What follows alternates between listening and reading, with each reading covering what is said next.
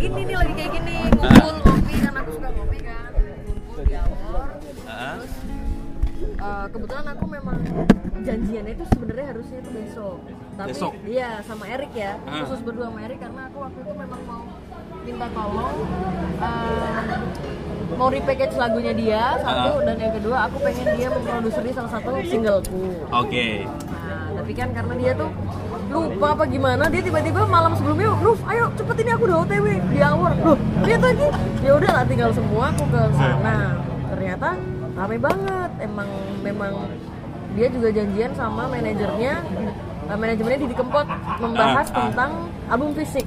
Karena Oke. Mas Didi itu mau bikin album fisik kan, Oh, dan gitu. dibeli albumfisik.com itu. Iya, iya. Terus ngobrol-ngobrol ke sana sini namanya ada banyak orang kan ya obrolnya ke mana-mana dan Erik itu kan memang orangnya kalau buatku sih dia emang jenius sih kreatif Iya, banget. iya, iya. ada aja gitu. Terus tiba-tiba ya dia nyeletuk aja ya udah gini aja gimana kalau eh, ada Nufi ada Mas Didi Kempot gimana kalau lagunya Didi Kempot di alibasakan menjadi bahasa Indonesia Waktu itu emang sama Deddy Kempot apa sama jadi Deddy? pas sorenya sama Mas Didi Oke. Hmm, memang a- ada ketemu sama Mas Didi, Mas Erik itu dan sore eh, so- eh, sorry malamnya terus dia ketemu sama manajemennya. Oke. Gitu, Mas Didinya nggak bisa, malamnya nggak bisa. Berarti eh, Kang Lufi belum belum ketemu Mas Didi waktu itu. Belum, baru mau malam ini ketemu. Oke. Malam ini dia main di Barkit kan. Oke oke. Baru nanti nih nanti paling jam 11-an atau jam 10 langsung cus ke sana. Mau ya ke gitu jadi aku yang mau nodong malah ditodong sama Mas Erik gimana mau nggak Mas soalnya manajemennya udah iya ya kan malah aku soalnya gimana ya susah gitu kan Nah, beliau eh, maksudnya secara generasi aja jauh pasti ada perbedaan apa ya kayak eh, jenis pemilihan lirik ya Oke, kan oke. itu kan sangat jauh berbeda terus ya di, masih dikempot gitu loh aku ki Ah, sopo ya kan aku ki sopo tapi ya karena gitu. iya aku tuh hanya orang yang ya bisa nyanyi aja gitu tapi Ah. Mas Erik sangat percaya sih sama kemampuanku bahwa uh, dalam perihal menulis lirik aku bisa lah bikin itu jadi lebih jadi manis gitu jadi nggak paling nggak ya nggak terasa wagu gitu kan biasanya aneh kan kalau terbiasa bahasa Jawa di bahasa Jawa terus Mm-mm. yang lirik sayap waktu itu ya yang ya ya itu susah banget susah banget. susah banget jadi aku kan kuliah di Serata Dharma nih Ah, ah, ah. bahasa Inggris Ya, eh. rasa-rasanya bahasa Jawa tuh sama kayak bahasa Inggris jadi dia nggak bisa diartiin per kata gitu Literal gitu ya? literally gitu dia nggak bisa jadi jadi mesti kan nggak mungkin kalau kayak suka teki misalnya Ya. tak tandur pari ku tanam padi itu kan nggak nggak nggak nggak aneh ya? juga ya Itu kan peribahasa gitu kan. Pri, satu peribahasa kedua dia suka pakai analogi Oke, iya. Iya kan? Didi Kempot. Didi Kempot suka pakai analogi. Dia su- juga suka pakai metafora. Metafora tapi dalam bahasa Jawa. Iya, iya. Iya kan? Iya. Itu susah. Kayak andai kan tangan ini punya saya, eh, andai umpama tanganku tadi suwiwi. Gampang sih kalau Iya, ditranslate andai kan tangan ini menjadi sayap. Iya. Tapi bagus nggak dilakukan? Iya. Di bahasa lagu tuh kadang jadi aneh gitu. Iya. Susah dinyanyiin jadi aneh. Gitu. Yang ini yang lirik yang tidak tidak ada itu Iya. gimana nih? Ya itu itu juga sih, itu juga kampret juga Mas Didi bikin lagu romantis banget, susah lagi. Saya kira ramai itu gitu bahasa Indonesianya apa ya? Nggak menghujat juga enak kan? Ti, enggak tidak menyangkal, Oke, iya kan? oke. Enggak tidak menyangkal ramai itu. Tapi tapi bisa aja sebenarnya sekali lagi aku bukan bilang nggak bisa ya, itu bisa dibahasain persis gitu seperti bahasa Jawanya, tapi tapi kembali lagi itu belum tentu enak jadi bahasa lagu belum tentu enak dinyanyikan belum tentu rimanya pas ya kan? A i u e o nya gimana? Makanya terus Rama itu sopo wong sing ora kangen itu kan ar- artinya maknanya nggak ada nggak mungkin lah nggak ada orang yang nggak nggak kangen gitu kan? Jadi aku lebih lebih lebih mengartikan secara makna. Oke. jadi aku lebih ke dalam lagi dan aku bikin ketika itu tidak tidak memungkinkan untuk ditranslate secara literal gitu. Jadi aku akan mentranslate itu sesuai dengan maknanya. Jadi aku ganti hati mana yang sanggup menahan rindu.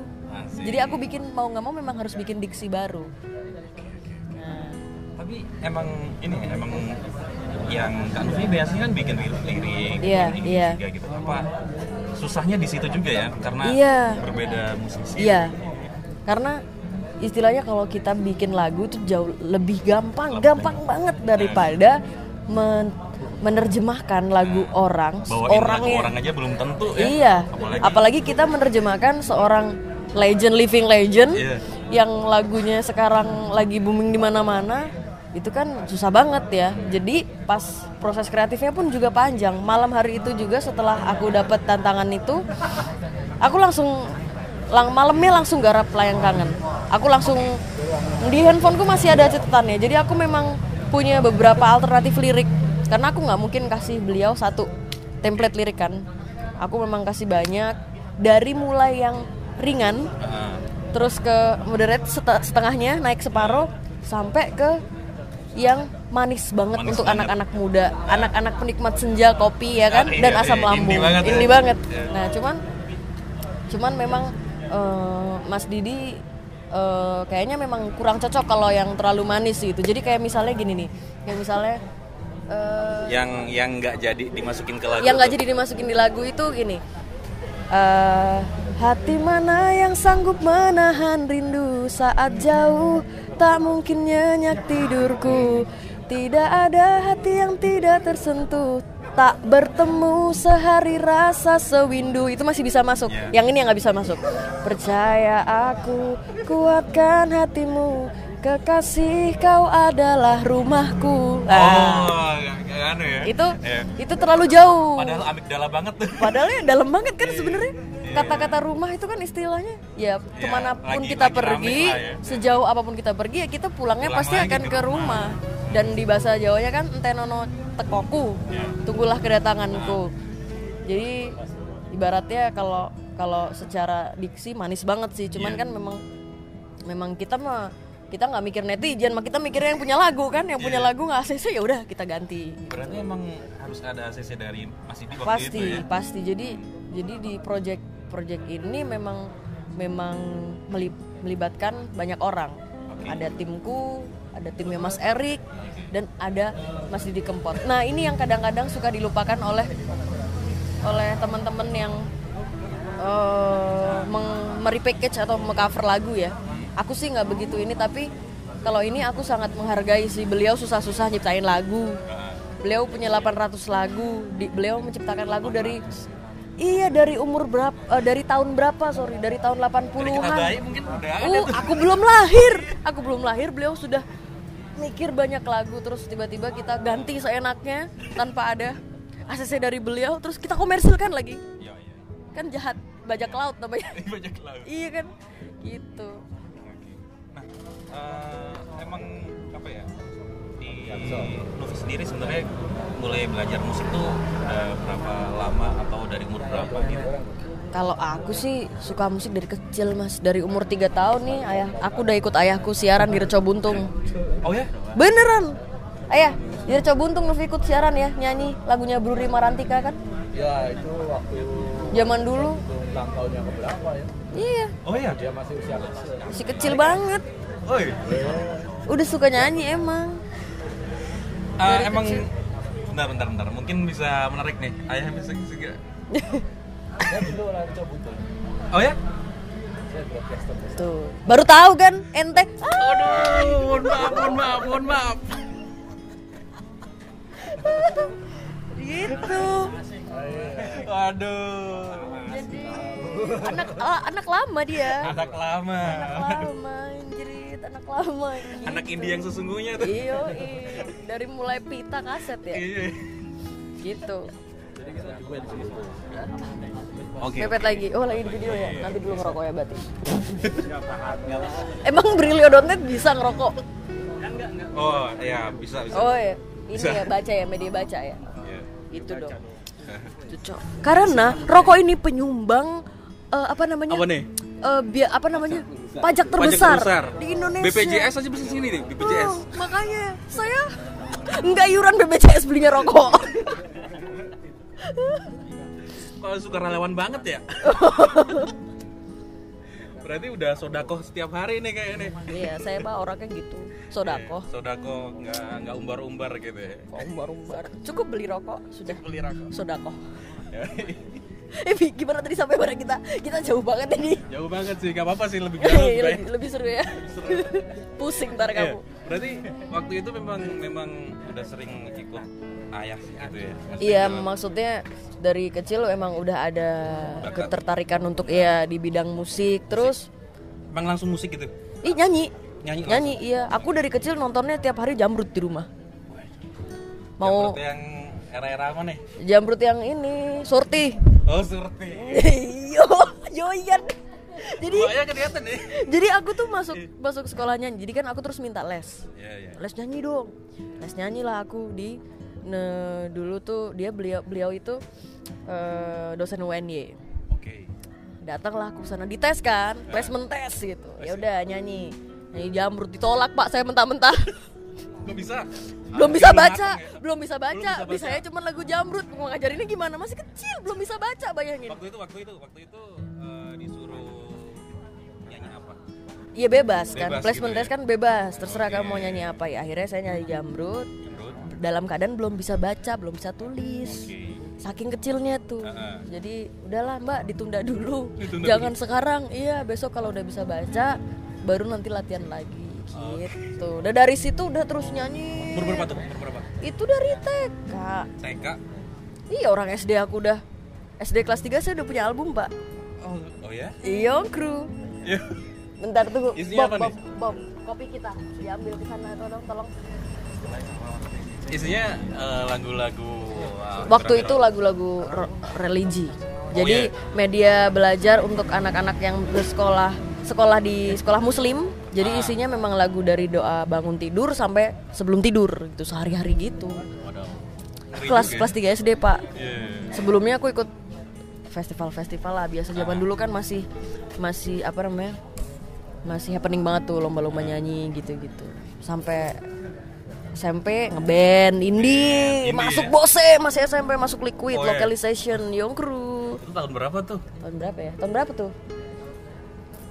SMP itu ya 2004 gitu 2000, 2004. 2004 sudah mulai berkarya. Berarti zaman-zaman Dewa, zaman-zaman Padi ya. sebenarnya. Iya ya. ya Oh, iya. Jabar-jabar segitu. Tapi emang Melayu style Iya. Oh iya. Oh lagi-lagi itu ya. Nah itu gimana tuh? Waktu itu memang istilahnya eh, ada gangguan nggak dari kan lagi lagi rame-ramenya Melayu tuh. Apakah memang waktu itu memang ikutan Melayu atau gimana nih waktu itu? Oh, kok kalau sekarang aku dulu nggak ngerasain gangguan ya bodo amat sih aku ya. Bodo amat sih tuh mau Mela- Melayu mau boy band mau girl band. Kalau aku Waktu itu ya nyanyi. nyanyinya nyanyi pegang gitar listrik pak. Nyanyi pop pop pop tapi band gitu pop rock gitu. Oke. pop rock lagu-lagunya. Dan aku juga bodo amat sih karena pada waktu itu kan aku memang bermusik niatnya kan seneng-seneng gitu loh. Karena memang musik tuh kan ngobatin aku. Jadi aku nggak mikir pusing duh pasarannya lagi gini-gini. Enggak sih. Itu tuh berarti musik memang dari pengalaman atau memang ada yang dari menghayal apa gitu dari cari-cari inspirasi gitu. maksudnya gimana? Ya maksudnya apakah harus dari pengalaman atau memang oh dalam menciptakan Ah, lagu dalam gitu. menciptakan sebuah lagu.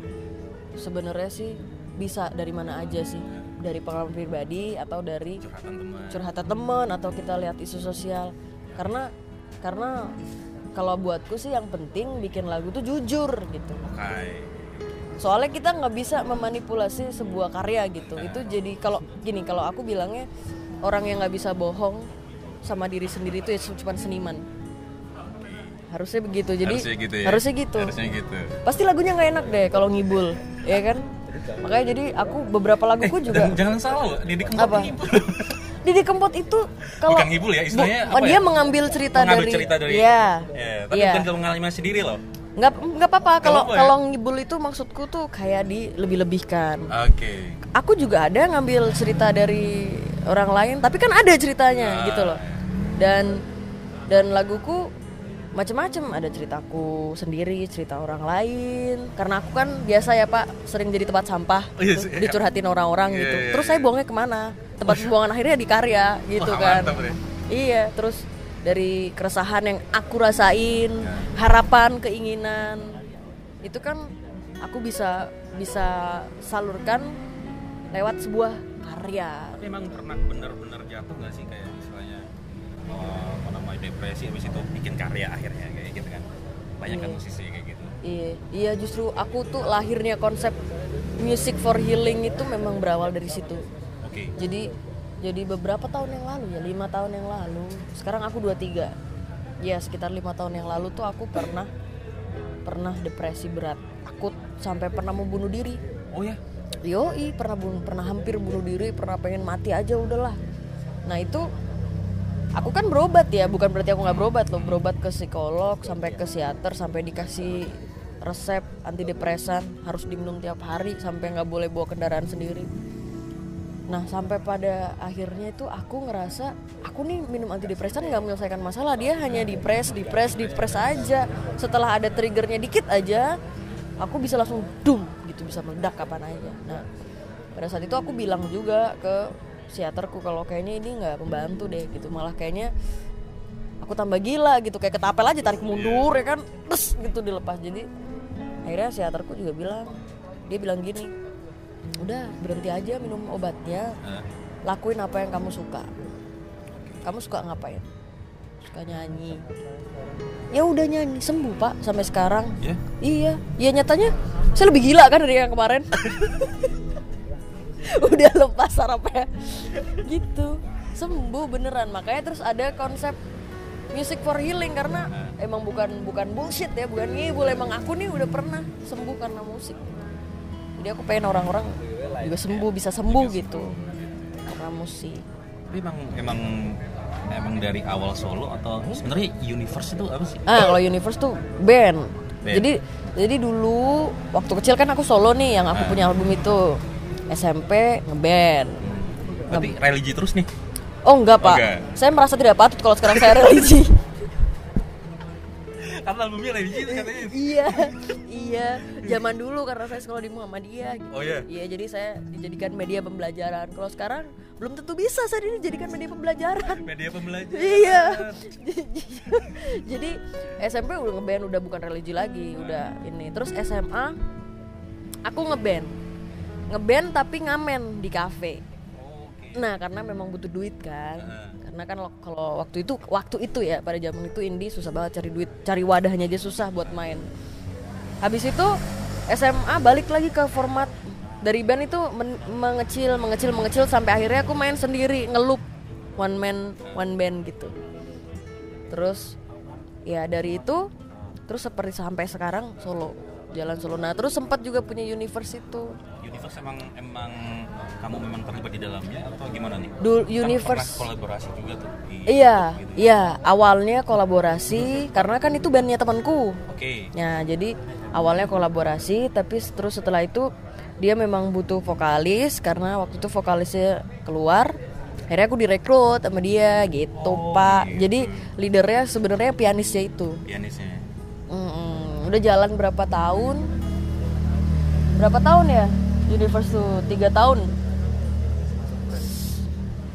Sini Pak. old frame ya old frame nih ceritanya nih jauh banget Oke. gitu sekitar tiga tahun terus terus udah karena memang karena memang kasihan juga kalau jadwalnya bentrok terus kan nanti kalau nggak ada vokalisnya nggak ada aku gitu juga aneh mau ganti-ganti vokalis akhirnya ya udah deh aku ini aja keluar aja gitu Oke, berarti Gitu. memutuskan keluar itu gara-gara memang lebih sibuk ya? Iya pak. Iya. nanti saya dibilang nggak bertanggung jawab Iya, iya. kan gitu. Kayak ngambilin anak orang terus ditinggal gitu kan. Waduh. sedih pak. Bisa bisa ada iya makanya. Eh berarti Gitu. eh, Novi kalau boleh tahu itu tuh eh, anak berapa gitu? Atau berapa bersaudara gitu? Aku dilahirkan di tengah keluarga yang hangat. hangat. Iya, eh, itu si Babe itu Jalu Wardana punya istri namanya Ibu Ella. Ella Wardana, anaknya dua, Nufi Wardana sama Kavi Wardana. oke Gitu. Wardana semua nih keluarga Wardana Iya dong, keluarga Wardana gitu. Oke, siap siap. Eh, eh, kalau mau punya pengen tahu nih menurut kamu indie sekarang tuh kayak gimana dari mulai fenomenanya terus habis itu ya kayak gini udah populer gitu Kalau indie yang sekarang gimana ya? Aku sih nggak begitu, tidak tidak begitu bisa menilai ya. hmm. Tapi aku punya harapan untuk indie yang sekarang. Aku pengen teman-teman indie yang sekarang itu bermusik dengan jujur, Ah, terus merdeka, oke berani bersuara tanpa dibungkam. Asik. Udah itu aja men. Yongkru nggak? ya gruk yang gruk Yongkru kan? tapi tapi gini ya maksudnya eh, rela nggak sih indie jadi populer Sebenarnya nggak masalah aja ya. masalah ya. Kalau aku nggak masalah karena itu kan hanya sekedar label. Iya. Oh, dan yang melabeli pun kadang-kadang orang lain yang di luar sana yang sosok tahu. Iya. Ya kan kayak misalnya, wah anak senja ya. Itu kan Iya. juga label dari mereka, Iya. mereka gitu. Jadi kalau aku pribadi yang penting pelaku di dalamnya itu tahu betul apa yang dia lakukan, dia mau ngapain, Hmm. terus tanpa menghilangkan esensi yang dia tuju itu loh. Kalau seniman ya kamu tetap harus punya jiwa seniman gitu. Ya seniman entah seniman itu seniman indie atau musi- musisi indie, musisi apa kan? Itu kan cuman sekedar kayak pengelompokan kayak penjara-penjara doang. Yang penting esensinya sih kalau aku iya. Bodoh amat. Oke, berarti eh, nggak indie kayak gini gitu kan. Enggak sih kalau Iya. menurutku Bahkan nggak nggak semua indie kan main in, main main senja, main apa nggak semua. iya, indie itu kan indie itu artinya apa coba? Indie independen. Independen. Iya. Berarti selama dia tuh jadi musisi yang independen yang aku bilang tadi merdeka, Merdeka. dia mau dilabelin apa pun, ya dia tetap indie, dia tetap merdeka gitu. Oke, Hari Indie Indonesia ya, bukan Merdeka Nah. Indonesia. ya? Jangan pak, Jangan deh. saya nasionalis nih pak. Nanti dibubarin lagi. iya nanti saya ada ada Dikirain ini, ormas lagi. bener bener dikirain ormas ntar dimintain izin SKT ya kan Oke deh, mungkin eh, itu dulu. Kalau mamanya bisa nyebutin fun fact atau gimana sih? Atau yang belum pernah apa ya? Pernah diketahui sama orang deh. tentang apa fun fact-nya Apa aja deh, pokoknya tentang Novi Wardana gitu. tentang Novi Wardana Nah, mungkin eh, suka molor, ngatuk, nggak jelas, atau mungkin emang suka nongkrong atau gimana gitu, atau apalah. apa ya Nih kamu pilihin ya, aku punya banyak nih Ah. fun fact. Nufi Wardana itu seperti bintang Asik. karena dia bangun setiap malam. Oh iya? Iya, aku kalau malam enggak, kalau malam kalau malam itu kebalik pak aku pak. Oh, iya? Iya jadi aku Oh iya. iya. kalau malam nggak tidur, Nggak tidur. Mm-mm. Terus tidurnya tidurnya kapan-kapan. kapan kapan? dia belum tahu soalnya. Iya se sekenanya. Apalagi ya? Nufi Wardana, Nufi Wardana. Eh, Nufiki, Nufiki. Oh, kamu tahu nggak? Nufi Wardana kalau main di atas panggung, dia nggak pernah pasang setlist lagu. Oh ya? Iya bener. Wah, galang-galin naif deh. iya bener. Itu tuh fun fact beneran kalau itu. Iya. Iya. Oke. Jadi jadi cuman kayak aku mesti ngerti tema yang mau aku bawain apa. Ah, Terus nanti inspirasi itu turun langsung di atas panggung dari Tuhan. Emang kadang Tuhan itu suka bercanda sama aku. Begitu di bawah panggung, aku bingung nyanyi apa gitu kan. Begitu di atas panggung ada aja gitu. Tapi emang lebih suka nyanyiin lagu sendiri atau lagu orang? Oh jelas lagu sendiri pak. Lagu sendiri. Lagu sendiri. Aku zaman zaman SMP ngerasain nyanyi lagu sendiri walaupun nggak ada yang nyanyi itu bangganya setengah mati. Tapi waktu SM, SMA kan aku ngamen. Aku diapresiasi, wah suaranya bagus. Oke. Di setiap cafe gitu ya, misalnya dapet tips, duit lebih.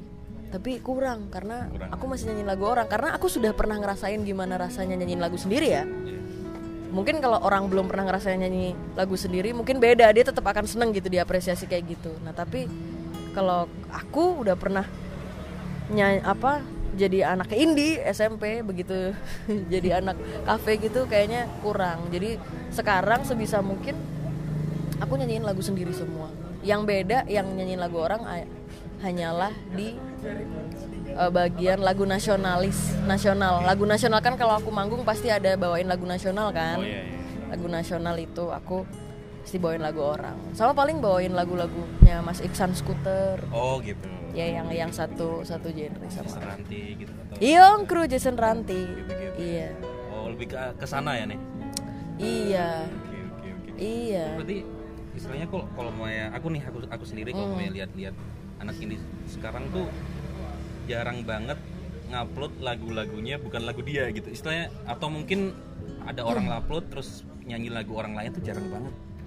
Nah itu tuh emang emang Luffy juga kayak gitu atau gimana? Ada cover maksudnya? Iya eh, pas pas lagi nyanyi di atas panggung gitu. Oh gitu. Ah, nyanyi di atas panggung kayak mamanya waktu itu ada 420 lagunya dalam hitung hari gitu dia kan cuman itu doang nggak ya yang? Iya. Ya. Iya. maksudnya kayak gitu nggak sih Luffy tuh Iya, sama. Kayak misalnya kalau kalau di atas panggung aku pasti nyanyi lagu orang kayak aku tadi bilang. Kayak lagunya Mas Iksan Scooter gitu. Pasti ada lagu orang yang aku bawain. Nah, cuman nggak. Kalau dulu pada pada saat aku awal-awal naik, aku awal-awal viral itu karena aku belum keluar karya, ya aku nyanyiin lagu orang semua. oke Nyanyiin lagu orang semua tanpa ngerti performing rights itu apa. oke Jadi kewajibanku Menarik menarik kan? Ke- kewajibanku sebagai performer dan ketika aku membawakan lagu orang di atas panggung itu sebenarnya tuh ada. ada Ada tapi memang belum jalan di Indonesia. Jadi pada saat itu ya aman-aman aja sih karena memang belum ada sistem yang mengatur. Tapi lama kelamaan karena temanku juga musisi semua, Mas Erik mengedu- Ya, ak- itu. mengedukasi aku Oke. lewat action. Ya lewat kayak gini tadi. Ya. Kamu kalau mau bawain lagu orang nggak masalah. Kita repackage layang kangen misalnya gitu. Dan itu ketika nanti kita nyanyiin di atas panggung sah banget. Sah banget.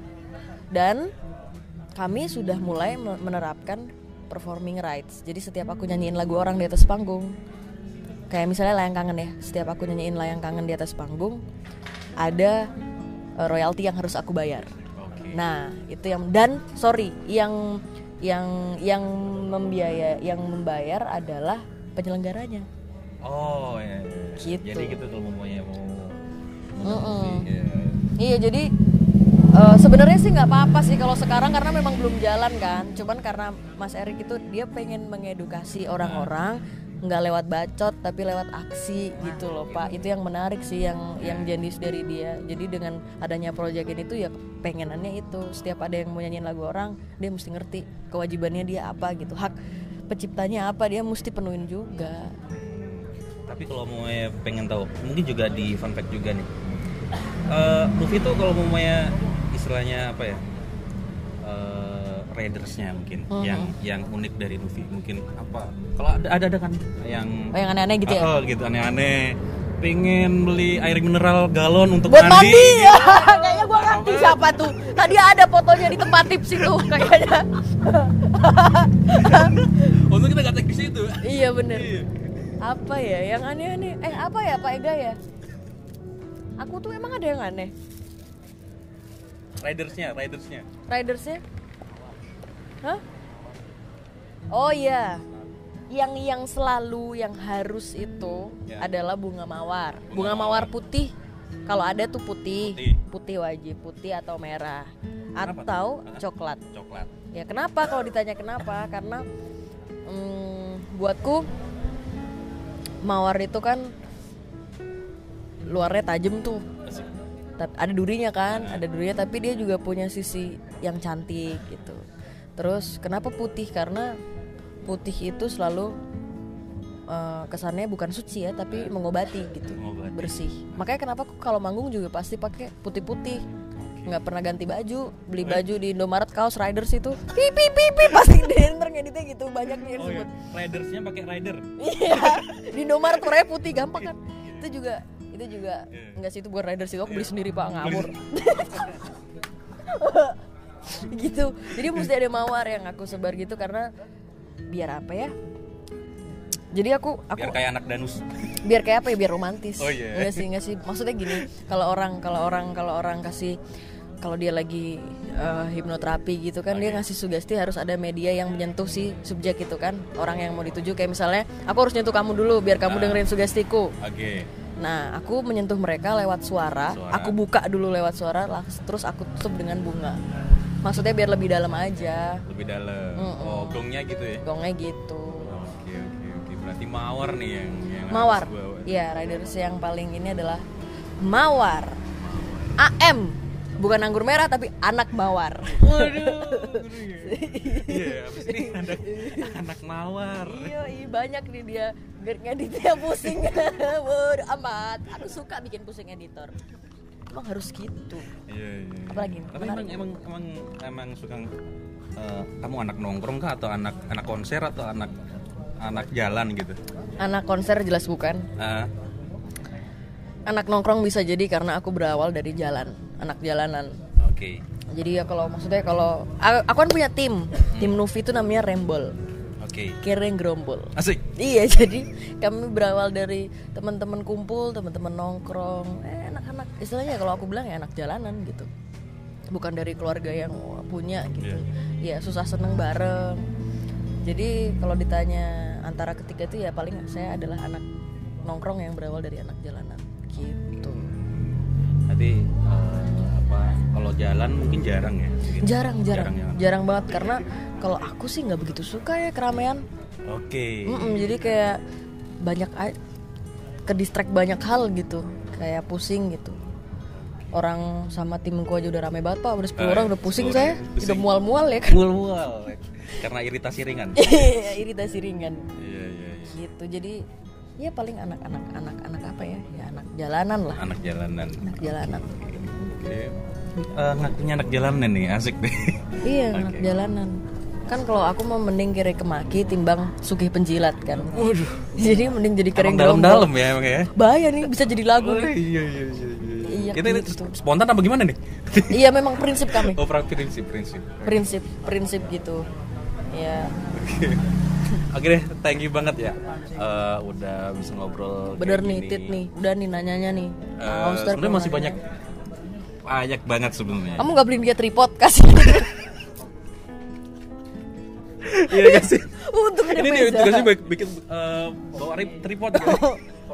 kasihan banget untuk Gini. begini dia Untuk gini. untuk gini bawa apa gimbal tuh oh iya gimbal gimbal Bawa kenangan susah juga ya, Pak, ya. waduh Aduh.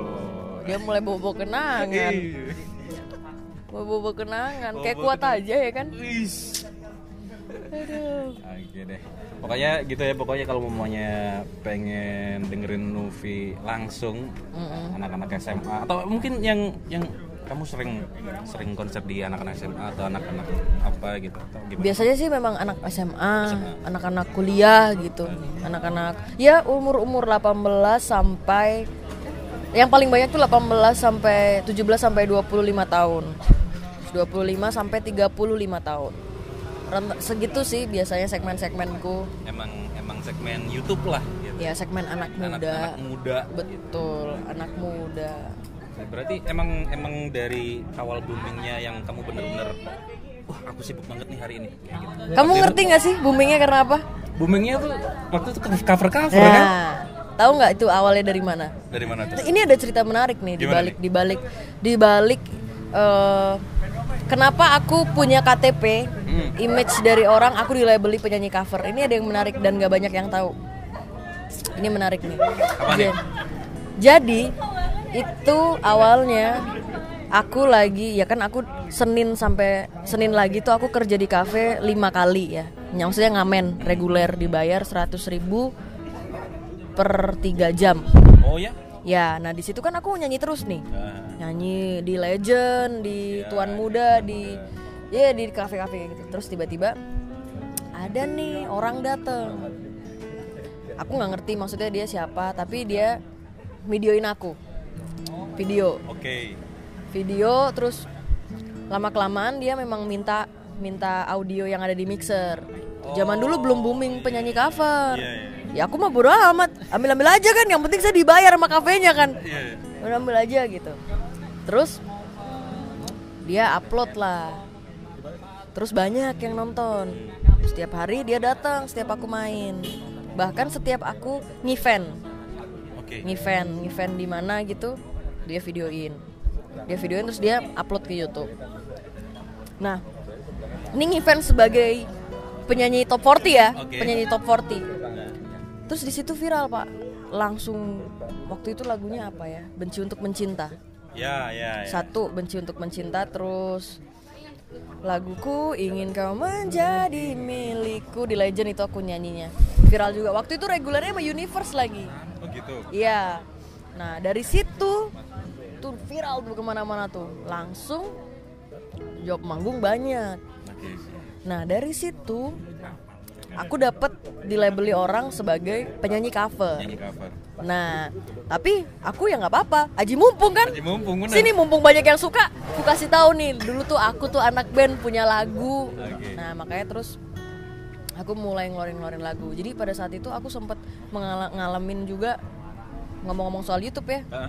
duit dibawa lari orang Oh ya? dari dari itu jadi itu kan eh, maksudnya ini ini nggak Iya. perlu dimasukin di konten nggak masalah jadi waktu booming boomingnya itu kan AdSense gila pak Iya, AdSense iya, gila-gilaan iya, orang yang gila-gilaan. nonton aku mm-an semua nggak ada yang ratusan ribu Iya. mm Ya, jadi waktu itu lagi rame-ramenya. ya. iya rame banget sampai WhatsApp aja bisa di tuh kayaknya. Anjrit, kurang ajar. Iya bener, nyebelin. Iya. Makanya jadi untungnya dan orang ini memang dia memang mungkin nggak bisa diajak kerja sama kali ya gitu. Jadi memang nggak transparan, sengaja memang nggak dibuka, sengaja nggak transparan nama aku. Terus ya udah akhirnya pada saat itu ya aku memutuskan udahlah nggak usah gitu lagi gitu. Aku nggak beri dia akses untuk iniin aku lagi dan aku juga nggak ambil duitnya terserah bodo amat ku tinggal aja channelnya sil diganti ganti aja nama channelmu yang baru apa aku nggak bawa channelnya juga jadi dari situ sih jadi Tapi Emang berkah. sempet, sempet ngobrol sempet hubungan baik gak sih? oh kalau hubungan baik. Karena memang mungkin untuk un- itu kan universe juga sempat terlibat ya. Oke. mungkin dengan universe yang agak maksudnya ya teman-teman juga sebel kali mas universe itu orangnya nggak cuma satu kan? Maksudnya ngerti ada duitnya kok. Ya semua orang pasti butuh duit lah nggak munafik kan? Cuman pada waktu itu kalau aku ya nggak begitu mempersalah mempermasalahkan sih. Ya udahlah yang penting eh, aku dijauhkan aja dari orang-orang yang begitu. Jadi aku udah langsung keluar sampai sekarang. Eh, maksudnya sampai pada waktu itu aku nggak pernah punya channel YouTube bayangin. Oh ya? ya karena memang bukan YouTubeku. Penyanyi aku nyanyi nyanyi cover kamu lihat dari mana? Bukan ada nggak ada nama Novi Wardana YouTube-nya channelnya. Ya nggak? Iya sih. nah. Nah, waktu itu kan sempet sempet sorry, enggak mana Novi nggak pernah muncul lagi waktu itu ya? iya. Iya nggak sih? memang nggak pernah. Jadi aku memang eh, padahal banyak sih request ayo dong cover cover lagi gitu. Aku nggak mau karena yang pertama aku tahu betul. Ketika aku mengcover itu itu mungkin duitnya banyak pak. Tapi nggak banyak artis maksudnya gini gini aku kan mesti menghargai juga dong itu karyanya siapa gitu. Aku mesti izin. Aku ya oke izin lah terus sharing profit gitu. Dan buatku eh, aku butuhnya adalah laguku yang didengerin orang jadi sengaja aku nggak mengcover nggak maksudnya setelah itu ya nggak ada tuh cover coveranku yang sengaja ku record ku rekam dulu suaraku terus ku bikin videonya sengaja ku begitu kan. Nggak ada coba cari ketemu satu aja kasih tahu aku. Karena memang aku nggak pengen eh, justru malah aku pengen cabut KTP ku sebagai penyanyi cover. Iya sih. aku bukan begini ini bukan aku gitu. Jadi mau aku diiming-imingin kamu kalau cover duitmu banyak bodoh amat. Aku mau berkarya. Kalau nggak mau nggak dengerin karyaku nggak masalah gitu. Yang penting Tuh dengerin tuh. begitu gitu kan. Makanya terus yang channelku yang Novi Wardana itu isinya cuman karyaku laguku sendiri. Subscribernya tahu nggak berapa? 23.000 ribu bajingan kan? Sorry ya. Tahu kan iya kan? Udah mau habis tuh. Udah mau habis. Masih? Oke. padahal yang free itu pak sekarang subscribernya 700.000 ribu. Oh ya? iya dong. Gila nggak? Social worker saya mah. Tujuh ribu saya nggak bawa. Anak event banget ya? iya. Saya tombok jadi walaupun karyaku cuman di subscribe 23.000 ribu orang tapi nggak masalah gitu buatku. Karena yang penting kan aku jujur gitu dalam bermusik. Nyatanya sekarang juga lagi pada diributin pak penyanyi cover di Jogja. Iya sih. lagi perang nih bapak nggak tahu aja. Iya sih. lagi perang temanku sendiri. Kayak serem sih jadi kayak kayak penyanyi cover tuh kayak udah di aiming gitu loh sama pencipta pencipta lagu. Iya. dia udah di aiming dari bawah. Kalau sampai nggak bener dia bisa dituntut duitnya banyak banget yang keluar. Yang biasanya di Tugu tuh. waduh. Iya ya ada ya. Nah itu tuh kayak gitu-gitu tuh kayak maksudnya lewat proyek ini pengen ngedukasi yang begitu-begitu maksudnya pak. Berarti waktu waktu waktu itu ya waktu zaman zaman rame request eh, rame diundang gitu ya. Iya. Dan kamu masih pilih-pilih sebagai penyanyi cover gitu. Nah, itu tuh emang kamu nyanyiin cover di situ cover atau nyanyiin lagu sendiri? laguku sendiri sih aku sambil sambilin laguku sendiri karena dan aku nyanyiin lagu yang sudah dapat izin dari penciptanya karena memang performing rights belum jalan kan dia juga nggak mungkin mana duit gua gitu jadi aku cuman nyanyiin lagu-lagu yang memang sudah diizinkan kayak misalnya lagu-lagunya Endang Sukamti aku udah udah ngomong kan sama Mas Endang Sukamti terus eh, kayak lagu-lagunya 420 Iya. kayak gitu-gitu. Nah terus aku tetap nyanyiin laguku sendiri. Terus sampai kapan aku nggak punya jati diri? Masa aku mau pakai topeng terus? Kan maksudnya kalau aku cover kan kayak aku pakai topeng.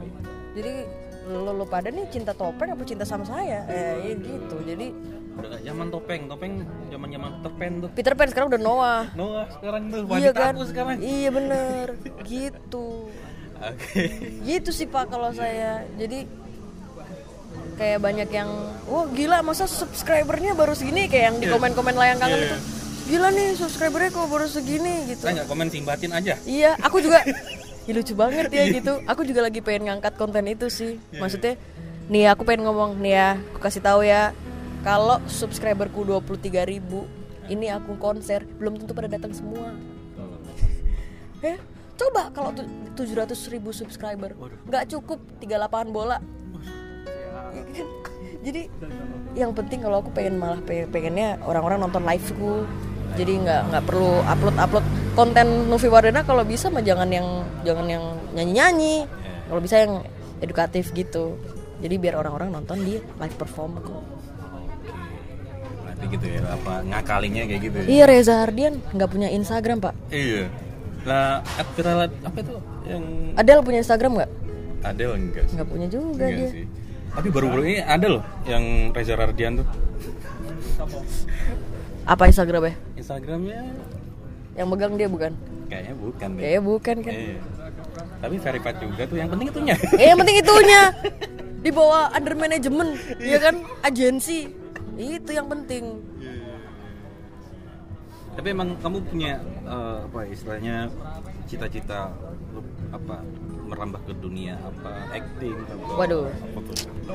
Hidupku udah drama tiap hari. Acting bukan jadi cita-citaku lagi. Ya kan? Eh, aku pengen apa ya? Aku sih nggak pengennya nggak pengen dikenal sebagai musisi ya. Oh ya? Ya aku jadi aku nih punya mimpi gitu. Jadi kayak mus- musik itu cuman jadi aji mumpungku aja. Kasarannya jadi mediaku aja gitu. Mediaku dilihat orang ketika aku ngomong, aku dengarkan, ketika aku punya aksi, mereka juga mengikuti gitu. Jadi aku pengennya pengennya apa ya? Eh, membuat dunia ini jadi tempat yang lebih baik gitu. Dengan cara apa pun jadi nggak nggak mandek di sini sih nggak pengen cuma jadi musisi. Aku lagi pengen aku lagi cari tanah lagi mau bangun sekolah jalanan. Oke, Iya. jadi aku pengen pengen ya pengen yang kayak gitu-gitu. Iya. pengen yang kayak gitu-gitu doain aja. Jadi musik cuman buat aji mumpung aja Iya. ngumpulin duitnya dari situ. Nanti begitu deh bikin sekolah. Bikin sekolah. Iya kayak Mas Erik, Das University bro. Sangar banget tuh orang. Emang emang ini ya, emang emang. Oh iya, ngomong-ngomong soal soal eh, soal sekolah, kamu kan juga suka ini kan ngisi-ngisi materi gitu kan? Iya jadi pemateri di universitas biasanya. Oh gitu. Iya di universitas SMA juga ada sih. Seminar gitu ya. Iya karena kan aku memang uh, certified professional coach Jadi Ah. memang aku ambil sertifikasi sebagai coach.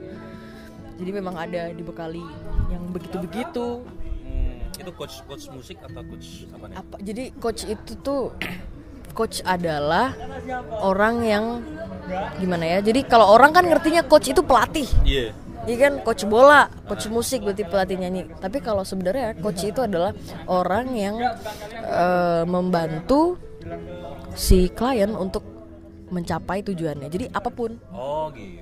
Jadi apa pun kayak misalnya mau curhat tentang kehidupan, romansa, life coach atau tentang eh, anak-anak muda bisa aja gitu. Nah itu yang nah itu yang biasanya kalau aku jadi pemateri ya itu. Berkaitan tentang coach. Coaching gitu tentang coaching ya coaching. Oh iya iya, iya. Coaching. Kayak bisnis juga ya? Gitu juga. bisnis ada. Tapi sebenarnya bisnis tuh lebih mudah daripada life coach oh ya Iya, karena kalau bisnis itu hitungannya ada gitu kelihatan. Ya kan, yang mesti kita rubah apanya gitu kelihatan. Ini ayah konsultan juga lebih mudah. Tapi kalau life coach, kadang-kadang orang begini pertanyaannya, gimana ya biar aku bisa hidup bahagia? Mampus nggak? Susah kan? bahagiamu bahagia aku nggak nggak sama ya. Nah, itu yang bikin yang lebih menantang dan anak-anak muda yang sekarang. Nah, Ya begitu, problematikanya begitu dia mencari bahagia itu seperti apa. Sebagai Ribet sih. seorang coach apakah kamu juga punya coach Pasti. Aku punya Eh, aku punya seorang coach yang dulu pada waktu aku sekolah, pada waktu aku belajar coaching, pada waktu aku ikut sertifikasi dia memang yang jadi pemateri. Namanya tuh Coach Lina. coach Lina. Ya, dia memang orang yang hebat banget ya. Orang yang luar biasa menurutku. Jarang-jarang ada dan setiap ada aku ada apa gitu, aku pasti cerita sama dia, aku pasti sharing sama dia. Gitu. Oke, berarti memang eh, aku juga penasaran sih yang namanya ilmu coaching itu apa apa memang tidak punya masalah atau bisa me- mengatasi masalah tanpa solusi atau gimana Wah, sih? itu ya. Aduh. Aduh, kejedok. Aduh. Aduh, aduh, aduh loro, loro dasi. Sebenarnya ya pasti orang nggak ada yang nggak nggak ada yang nggak punya masalah kan ya. Tapi mungkin karena kalau kita sudah nggak tahu prinsip coaching, coaching itu kan sebenarnya mengenali diri kita lebih dalam. Jadi kalau misalnya si coach itu punya masalah, at least paling enggak dia sudah tahu nih dia ada di mana. Karena dia lebih ngerti. Dia tahu dirinya itu ada di mana. Kayak kayak misalnya gini nih, coach nih gini nih. Lagi buka Google Maps. ah. Kita tahu nih destinasi kita ke mana. Ke Journey Coffee. Kita udah set destination. Tapi kita nggak ngerti your locationnya di mana. Kan nggak bakal ketemu jalannya. Iya, iya, iya. Nah, tapi coach itu dia membantu kita dan membantu dirinya sendiri untuk mengenali eh, dia creating awareness gitu pada dirinya sendiri dan membantu orang lain untuk creating awareness. Nah, jadi kita udah ngerti nih, aku nih ada di mana sih. Jadi kayak udah ada mind mapnya. Jadi kan ngatasin masalahnya jadi lebih mudah gitu kalau kita udah bisa istilahnya menjah-menjah gitu loh. Kita ada di mana, kita mau ke mana, apa aja yang harus dihadapi, hambatannya apa gitu. Jadi lebih mudah sih. Bukan berarti nggak punya masalah masalahnya banyak pak. Berat-berat dan levelnya juga udah tinggi-tinggi masalahnya. Berarti selain penyanyi bisa nyanyi terus bisa coaching bisa ngatasin semua masalah nggak sih? kalau itu mah pegadaian mengatasi semua masalah tanpa masalah Terus juga penawar hati yang lara. iya itu sih penawar hati yang lara. Mm-mm. Iya iya. Iya macam-macam sih Iya macam-macam ya. Pokoknya eh, mungkin pesan-pesannya buat warganet. Mungkin kamu pernah dicibir atau dihujat atau di pokoknya pengalaman gak enak deh gitu. pernah jadi pernah banget Ini nih. Ini ceritanya baik banget. Kamu wawancara yang paling lama sama aku pasti. Jadi aku pernah ya mau nyanyi ditanyain fotonya dulu. Mana Mbak fotonya gitu. Yang ngomong kamu nggak minum nih? Oh ya. Udah mabok nggak? Mabok kopi. Ditanyain fotonya mana? Aku kirimin foto band. Se- Enggak mbak, foto vokalisnya aja. Oh iya iya iya. Ya saya kirimin foto saya kan. Jebret. Terus dia komen Wah, yang lebih cantik ada nggak? Waduh. Wah, wah sakit hati aku. Anjir.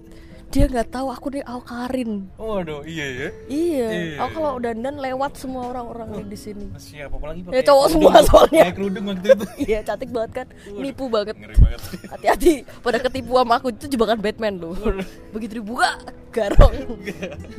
Iya, jadi pernah pernah begitu sampai sampai sekarang pun juga pasti masih ada cibiran kan. Kayak, "Ini gimana sih kok kayak gitu? Istilah dilihat dari luar aja udah nggak kayak cewek se kebanyakan orang gitu. Jadi kalau aku sih bodo amat ya sama kayak gitu-gitu dan dan itu adalah yang selalu aku keluar-keluarkan di atas panggung karena karena omongan-omongan yang sepele gitu itu justru bisa matiin mimpi seseorang biasanya sih. Iya sih. biasanya gitu apalagi anak-anak muda gitu kan yang baperan banget dikatain jelek terus tiba-tiba bunuh diri. Iya. wah gara-gara atau dikatain jelek terus tiba-tiba dia ngumpulin duit banyak-banyak cuman buat operasi plastik misalnya generasi plastik. Padahal sekarang nih kan go green. Kita buang-buangin tuh mestinya sampah plastik. Makanya terus itu yang aku keluar-keluarin tuh pak. Jadi pokoknya eh, aku keluar-keluarin lewat lagu judulnya melangkah. Ya jadi melangkah itu isinya jangan melangkah terus jangan pernah. Kalian tuh takut walaupun kalian lagi jalan sendirian gitu. Kadang-kadang kan kalau kita jalan sendirian nggak rame-rame kayaknya rasanya salah gitu ya. Kayaknya kok nggak ada yang ngikutin sih gitu. Padahal sebenarnya yang sendirian itu belum tentu salah dan yang rame-rame juga belum tentu bener juga jadi jadi yang ya yang penting jalan aja melangkah terus jangan jangan takut dan, dan kita kadang-kadang hidup harus bisa jadi orang tuli makanya kenapa melangkah punya ba- punya versi bahasa isyaratnya karena yang penting budek aja lah harus jadi orang tuli karena kita lahir diajarin bukan dibacotin gitu iya. Sih. ya kan Menarik, menarik. Yongkru Iya, iya. Gitu. Berarti, berarti waktu waktu kan yang yang ini eh Deddy Kempot sebelum Deddy Kempot kan kamu mau rilis single tuh. iya bener Nah, itu tuh rilis single apa sih? Yang melangkah itu atau gimana? Bukan, kalau yang melangkah kan udah rilis sebelum Layang Kangen, sebelum Didi Kempot. Nah, waktu ini Didi Kempot rilis itu sebenarnya aku sudah menumpuk banyak lagu, banyak single. Nah, yang mau keluar itu Kasih Sederhana judulnya. Itu aku kutip dari eh, Injil Korintus. Kasih itu sabar. Itu aku kutip dari situ. Itu mau keluar tuh, udah udah siap nih. Udah tinggal nungguin aja. Oke. lagi tinggal nungguin waktu yang tepat kapan.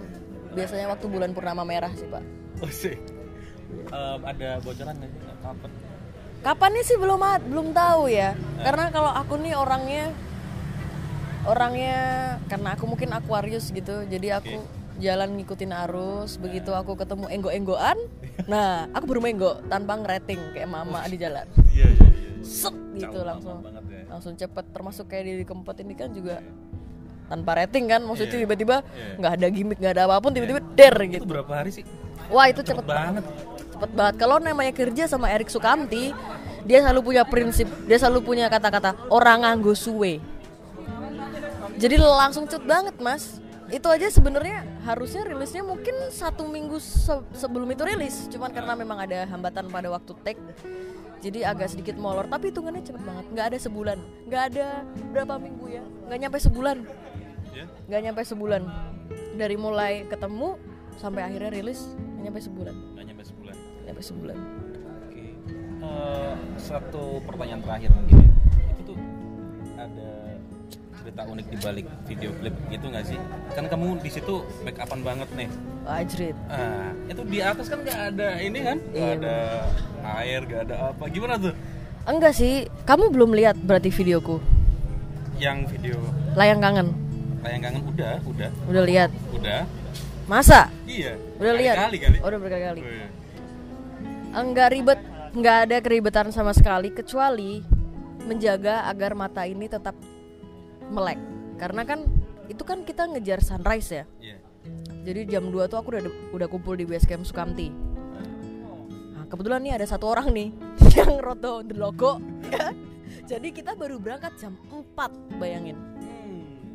Jam 4 langsung naik ke atas. Cepet banget juga tuh karena pagi kan set nyampe atas kita transit di Pawon Purba. Iya. udut udut dulu ngopi ayo ngopi ngopi. Terus aku ditanya sama Mas Erik Nuf dandanmu suara tak ngomong.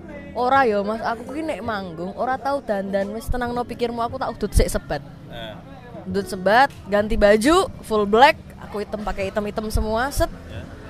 Udah naik mobil jadi itu pak gunungnya memang effortless banget sih. Yang orang-orang pikir gila nih perjuangannya. Lu naik gunung dulu perjuangan sampai puncak ah, nungguin awannya pada di bawah terus foto sebenarnya itu itu mungkin anugerah Tuhan juga ya. Aku diberi kemudahan maksudnya dapat tempat yang effortless dan view-nya itu luar biasa. Karena sebelumnya Mas Erik naik ke situ nggak begitu view-nya. Oke oke oke. nggak ada awannya itu nggak di bawah. Jadi kelihatannya ya peka, ini apa sawah-sawah gitu. Kalau kemarin tuh memang memang nggak ada hambatan sih. Ada karena hambatan. akunya sendiri juga dipanas-panasin udah biasa. Aku touring motor. Nah, iya, touring motor terus di at- juga kan? iya anak motor. Aku lihat lihat pemandangan di atas juga menikmati banget. Dan aku tidak perlu repot-repot makeup. Berarti yang waktu itu natural nih beneran nih. natural, Natural aku dikira pakai makeup. Gila gak? Natural aja cantik bro. ah. Ngeri. nomor rekening berapa ini itu aku nggak makeup jadi Iya. Tapi nggak keringetan nggak apa nih naik. kalau naik- keringetan pasti iya Iya. kalau keringetan iya sih kelihatan juga Ngebusat sih ya? keringet keringet karena aku nyanyinya kan untuk matahari Iya. jadi aku ngeliat matahari gitu tapi eh, apa namanya ya itu juga salah satu yang pengen aku pengen apa aksi gerilyaku yang pengen aku tunjukin adalah sebenarnya perempuan cantik itu nggak harus pakai makeup. Ya kan? Ntar ribet sendiri. Coba kalau syuting di gunung gitu air susah ya kan? Kayak gimana gimana gimana juga mesti manjat manjat gunung. Belum ntar kalau makeup artisnya banci. Susah juga repot juga yang repot malah jadi ma- makeup artisnya Waduh. gitu ya itu bercanda. Tapi beneran maksudnya aku beberapa bulan ini aku sudah menanggalkan semua apa yang ada di muka aku. Ya itu. ya ya dua-duanya. yang mana yang bisa ya kan kita Yang ada jalan packaging lah dengan pokoknya. bagus ya Iya, kan iya, iya. gitu jadi aku memang udah bedak aku udah nggak pakai dulu aku bedakan pakai alis pakai eyeliner Iya. atas bawah pakai lipstick Iya. nah itu pelan-pelan aku lepasin semua jadi mulai nggak pakai bedak terus mulai nggak pakai eyeliner satu-satunya yang masih aku pakai tuh waktu itu alis dua bulan yang lalu tiga bulan yang lalu tapi aku punya mimpi aku naik panggung dalam keadaan telanjang jadi tanpa riasan, tanpa polesan. Pada akhirnya ya aku realisasikan betul. Aku copot alisku, bahkan sampai pada waktu bikin video klip ya, istilahnya yang video klip itu kan orang-orang mesti perfect gitu, mesti sempurna. Ya aku nggak pakai alis juga tanpa makeup sama sekali. Cuman cuci muka, modal berdoa, ya udah naik. Bal berdoa. Mm-mm, gitu. Berarti yang bikin time lapse tuh ya kamu diri Iya jadi patung, jadi patung kurang ajar itu. Nuf, patung dulu ya. Yang belakang enak banget ngerokok ngerokok ngopi-ngopi kan bawa termos dari bawah kurang ajar. Tapi aku harus diem gitu. Hmm, pengen bisa nggak sini adegannya aku ngerokok gitu kan nggak kelihatan dari belakang. itu, ya, itu juga itu, itu Iya. juga boleh sih. Itu, itu berapa lama tuh? Gak begitu lama sih karena kan di lagunya kan pendek dan stok shootnya banyak. Jadi memang nggak perlu yang time lapse yang panjang banget gitu. Time lapse juga sedikit banget kan yang dimasukin Iya sih, ya.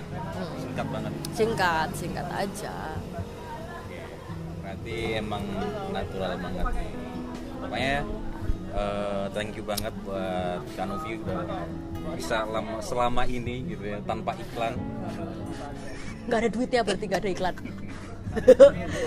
moga-moga ada ya abis ini ya. Iya biasanya kalau Tuhannya AdSense tuh biasanya nyembah iklan.